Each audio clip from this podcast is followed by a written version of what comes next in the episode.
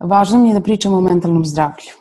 Čuli smo Milicu Jakšić, psihoterapeutkinju, u novom specijalnom izdanju Urbani razgovori. Ja sam Aleksandra Bučko. Specijalno izdanje podcasta Urbani razgovori nastalo je za vreme proglašenja vanrednog stanja u Srbiji, a u njemu obrađujemo teme koje su u vezi sa pandemijom virusa COVID-19 i njenim uticajem na naše živote. Mile Kekin je za vreme pandemije objavio pesmu Ovo će proći. U toj pesmi on kaže nikada više neću onako bahato uzimati sreću zdravo za gotovo.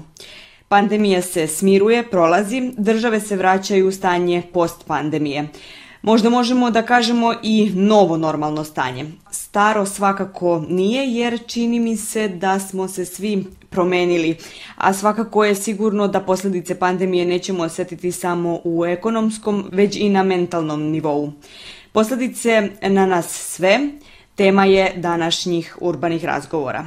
U Kini, na primjer, veliko istraživanje o uticaju socijalne izolacije koje je sprovedeno nakon pandemije pokazuje da 43% stanovnika ima simptomatologiju anksioznog poremećaja, dok 21,5% ispitanih pokazuje simptome posttraumatskog stresnog poremećaja ili PTSP, piše Peščanik. Mnogo se pričalo o anksioznosti ljudi, pogotovo e, koji su, na primjer, sami. Ko će sve da snosi mentalne i psihičke posljedice krize? Možda postoje grupe o kojima ni ne razmišljamo. Tu su svakako medicinsko osoblje koje se svakodnevno suočavalo sa pritiskom, sa nedovoljno opreme, trgovci na kasama, osobe koje su ostale bez posla, žrtve porodičnog nasilja, deca sa posebnim potrebama. Milice, kakvog uticaja će kriza izazvana koronavirusom imati na ljude u budućnosti? Kriza koja još uvek traje na specifičan način će na sve nas imati uticaje u onoj meri u kojoj smo sa kriznim događajima u kontaktu. Ono što je specifično za situaciju u kojoj se nalazimo je da nema nikog e, ko je izuzet iz ovih događaja s obzirom da je nešto što je zapravo zadesilo čitavo čovečanstvo. E, sa tim u vezi, prvo što mi je važno da kažem je da smo mi svi u ovome zajedno, na jedan specifičan način.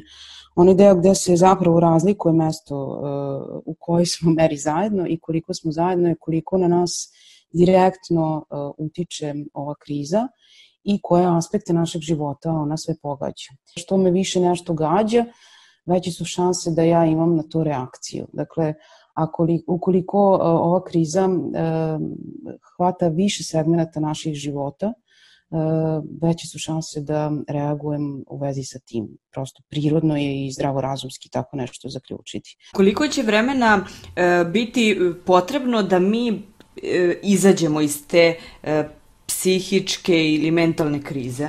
Pa, e, prvo stvar ne mora značiti da smo svi u krizi. E, to je ono što je prvo vrlo važno reći. Situacija jeste krizna, ali da li ćemo mi reagovati psihičkom krizom, odnosno da li ćemo reagovati na određeni način emocionalno snažnim, e, neprijatnim emocijama, to je visoko individualno definisano i samim tim prvo ko će reagovati, a i drugo koliko će to trajati.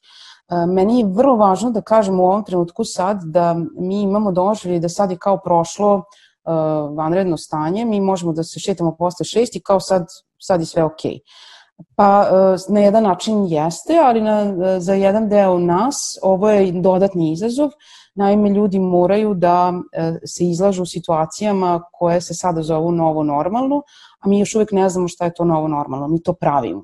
Tako da krizna situacija za mene kao neko ko se bavi ovim poslom još uvek traje, zato što se mi iz dan u dan prilagođavamo novo nastalim okolnostima, koje su pre, nisu samo to da li će nositi masku ili ne, e, to je pitanje za mnoge ljude da li će zadržati posao ili ne, da li će se pojaviti drugi talas zaraze ili ne, da li će, uh, neki, da li će neko moći da putuje ako je vezan njihov posao za neko inostranstvo. Jako puno je stvari koje još uvek ne znamo kakve će biti, i puno neizvesnosti čini situaciju, da tako kažem, možda dodatno stresnom. S tim u vezi ja ne bih smela da kažem sve je gotovo. Ne, mi se još uvek u fazi prilagođavanja nečemu što još uvek gledamo šta je i šta će biti. Neke osobe su imale veću krizu, mnogo intenzivnije su to doživele, ceo ovaj proces, druge možda manju. Šta osobe mogu da urade da bi se izvukli iz krize ili da ublaže neke njene pojedine e, posledice? Da bi ljudi zapravo se bolje prilagodili, mislim da je u stvari prevladavanje ove krize i nošenje sa posledicama zapravo pitanje prilagođavanja.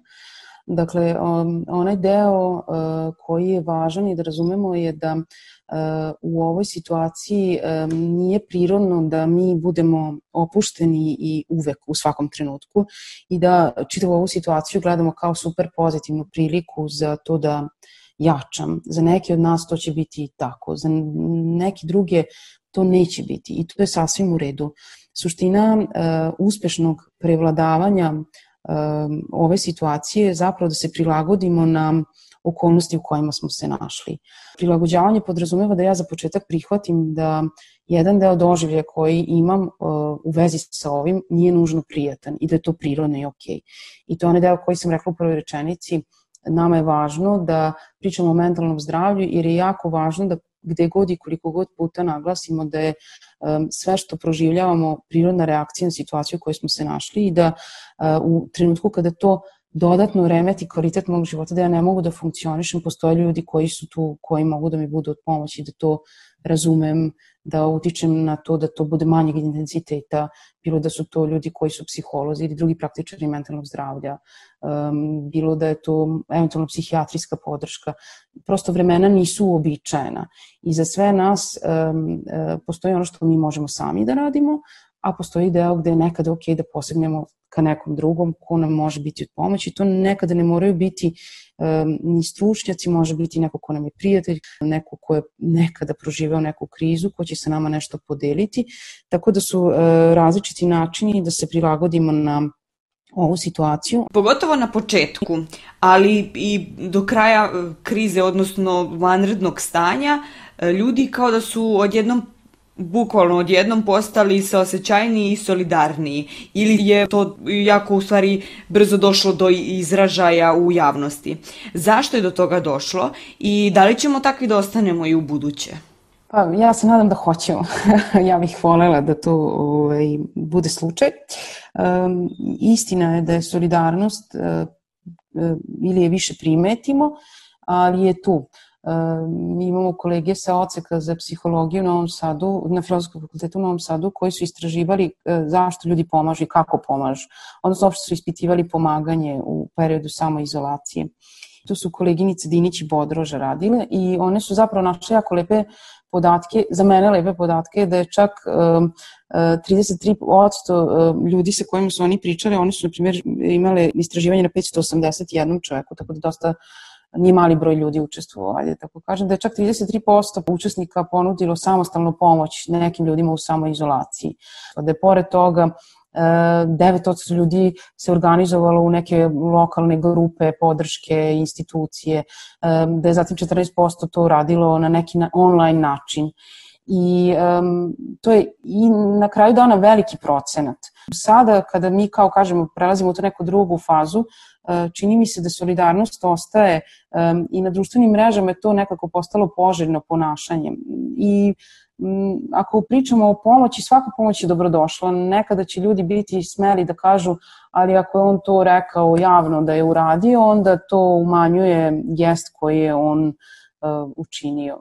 Ja nisam tog stava, mislim da je svaka pomoć dobrodošla, da su stvarno tako teške okolnosti bile u vremenima u kojima trenutno smo i, i dalje, ali u periodu, um, da kažem, samoizolacije naročito i ovog vanrednog stanja, da je svaka pomoć dobrodošla. I ako nekom dodatno podstičući da to podeli sa ljudima na mrežama i ako će on sutra lakše posegnuti da ponovo pomogne, za mene je to uh, ok, za mene, sad ja pričam Milica, ja uh, psiholog koji se bavi tim čim se bavi, meni je to ok. Uh, ako ćemo mi stvarati kulturu solidarnosti uh, na ovaj način, a neko će se uz to i lično promovisati, mislim da svi možemo da stisnemo zube na to i da kažemo ok, ali ipak je on će sutra opet pomoći perijskom šiluka.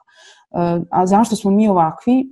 Pitanje koje ste postavili, A zato što smo mi bića koja su bića grupe. Mi smo, e, mi nismo urlovi koji lete sami ili nismo predatori, te, mi smo takva vrsta, mi smo bića grupe i na taj način mi smo upućeni jedni na druge. Mi jedni od drugih zavisimo i jedni na drugi smo upućeni. Ja mislim da je ovo jako um, dragoceno iskustvo ono što smo malo pre rekle, um, da smo mi ovome zaista svi zajedno i da zaista ako želim ja mogu biti od pomoći um, na bilo koji način svojoj zajednici, pa makar i to bio moj prvi komši ili to bilo, ne znam, kako god, na bilo koji način, da tamo nešto kliknem na nekom internetu, um, kao da smo malo postali vidljivije solidarni, ako ništa drugo. Ali cifre su svakako lepe. A za vreme vanrednog stanja su svi poručivali, to je mnogi su poručivali, a, iskoristite vreme, ulažite u sebe i moguće je da su to mnogi radili. A, da li postoji mogućnost da ti obrazci ponašanja ostanu i dalje aktivni ili će se ljudi vrlo brzo vratiti e, starom načinu života? ili e, da li smo samo na socijalnim mrežama pričali o usavršavanju i radu na sebi, a da to nije bilo u potpunosti istina ili smo tu samo govorili da bi nam bilo lakše? Da, puno, puno, puno pitanja. Um, prvo je u stvari vrlo važno reći da je um, ovo bio kri, period koji je bio period intenzivnih e, kriznih događaja. Dakle, za neke ljude ovo jeste bila prilika za rast i razvoj, za druge ljude je bila prinuda na rast i razvoj, ajde da tako kažem. Um, šta hoću po tim da kažem? Ne postoji, bilo bi vrlo korisno da ne napravimo od COVID-19 um, maraton u tome ko je bolje to izdržao ili ko je postao pametniji, lepši, izgodniji, obrazovaniji, bogatiji, sve u svemu bolji. Znači, ovo nije trka za to ko je najlepši najuspešniji, ovo je situacija koja je pre svega krizna situacija u kojoj mi, kao i svi drugi ljudi oko nas, u kriznoj situaciji reagujemo onako kako bismo, i to je ono što uh, su kolege u Novom Sadu takođe došle uh, do, do saznanja, reći ću i šta, a to je da to kako inače reagujem u stresnim situacijama, vrlo je verovatno da ću reagovati i u ovoj situaciji, samo malo intenzivnije. Do tog su došli kolege Šakan, Žuljević i Rokvić, oni su se bavili ispitivanjem blagostanja u ovaj, ovom periodu i dosta je korisno istraživanje zato što ima više više puta su pitali iste ljude uh, kako prolaze kroz ovu situaciju, tako da su mogli da prate promene. I ovo je kolega Žuljević u obraćanju na N1 rekao, ovo što sam ja sada rekla, naglašavamo postojeće stanje, ono što, oni ljudi koji su reagovali ravnodušno, vrlo slično će reagovati i sada, ljudi koji su reagovali pozitivno vidjet će ovo kao super priliku za rast i razvoj, a ljudi koji su reagovali e, možda nekim stres, e, pojačanim emocijama u vezi sa stresom, anksioznošću, e, depresivnošću, postoji mogućnost da će i na ovaj način i u ovoj situaciji reagovati. Ništa od ovoga nije pogrešno ili ispravno kako da kažem, ono što je vrlo važno za nas koji se bavimo ovim poslom, a mislim za nas sve, pošto sad smo svi, kako da kažemo, u istom sosu, svi smo prošli neku muku, ovaj, je da e, postavimo lične, e, ajde da kažem, ciljeve kako ja želim kroz ovo da prođem. E, za neke ljude to će biti da će naučiti novi jezik i da će imati novi red mišića na stomaku, a za neke ljude će biti da će izaći na ulicu bez maske e, do e, prvog ćoška i da će se osunčati 15 minuta dnevno i za njih će to biti velika, velika kako da kažem, lična pobeda. Vrlo je važno lično definisati uspeh, vrlo je važno biti u vezi sa sobom, kako da kažem, strpljiv i nežan i iskren da radim nešto da bi meni bilo bolje, da bih se ja bolje prilagodila, a ne e, zato što je postojao neki trend koji je malo i, kako da kažem, ne, nerealističan, da mi sad smo svi u obavezi da se popravljamo. Mi nismo u obavezi da se popravljamo. Bilo bi lepo da mi živimo kvalitetno i da mi unapređujemo kvalitet svog života, ali u vremenima koja su sada, u redu je da ja uh, uspevam da živim relativno slično kvalitetno kao i do sad i to, to stvarno nije mali uspeh. Ali opet e, e, vraćam na ovo što sam rekla. Ja sam ta koja postavljam e, svoj cilj a ne vi i vi ste ti koji postavite svoj cilj, a ne ja. Znači, nema recepta kako se bude u ovome sjajan u prevladavanju. Svako je u ovom, na ovom putu, stoji pred sobom i sam definiše svoj mali uspeh, srednji uspeh i veliki uspeh.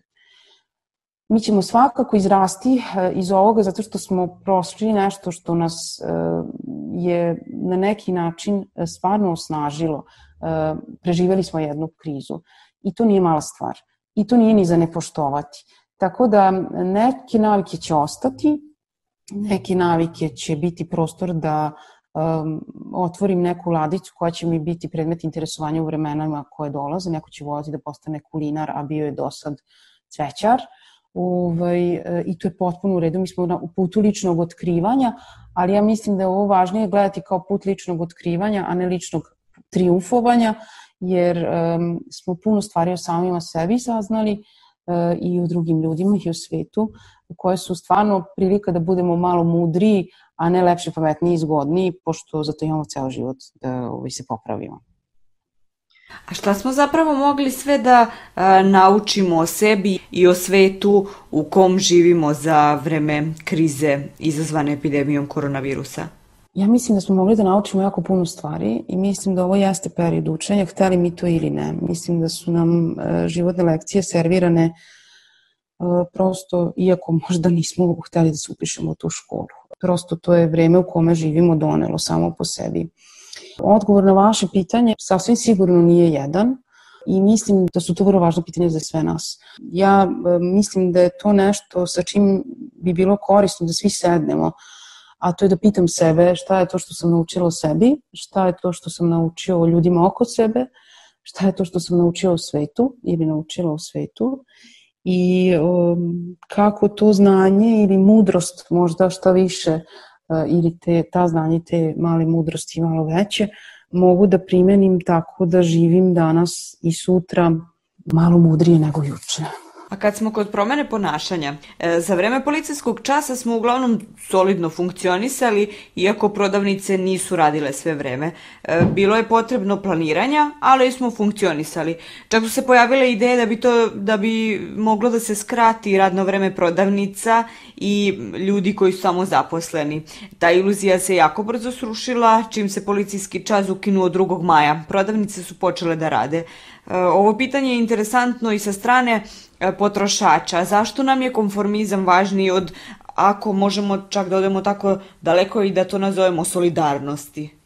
Konzumerizam kao takav je oslonjen na nešto što jeste specifičnost ljudske i ljudskog roda, a to je da ja volim da mi bude udobno i prijatno. Odnosno da je meni moj komfor i moja udobna fotelja E, vrlo važna u mom svakodnevnom životu i da mislim da kad bi bez tog ostala, da bi to bilo malo strašnije nego što bi to u stvarnosti bilo.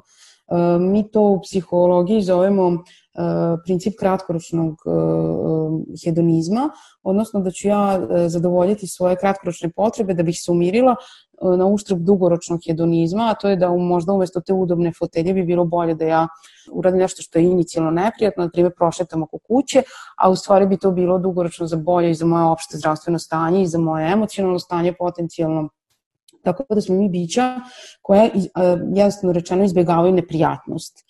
I konzumerizam se na to u velikoj meri oslanja.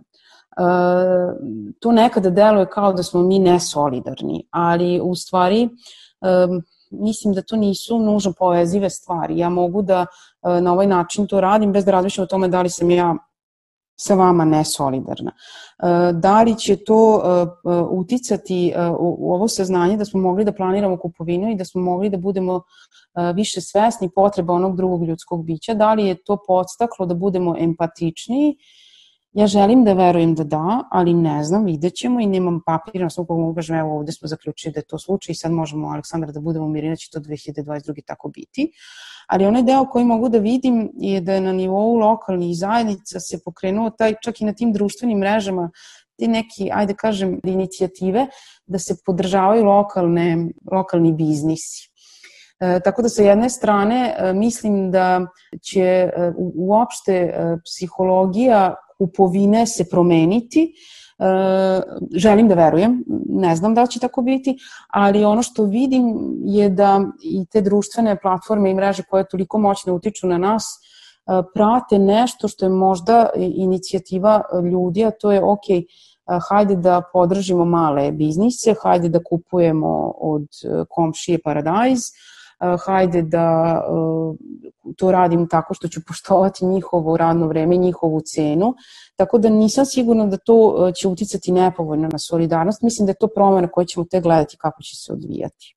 Hvala vam. Bilo je ovo novo i specijalno izdanje podcasta Urbani razgovori Fabrike kreativnosti u kom smo sa psihoterapeutkinjom Milicom Jakšić pričali o uticaju pandemije virusa COVID-19 na naše mentalno zdravlje.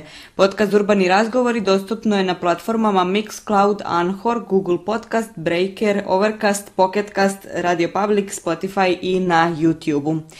Bila je ovo važna tema, jedan na jedan.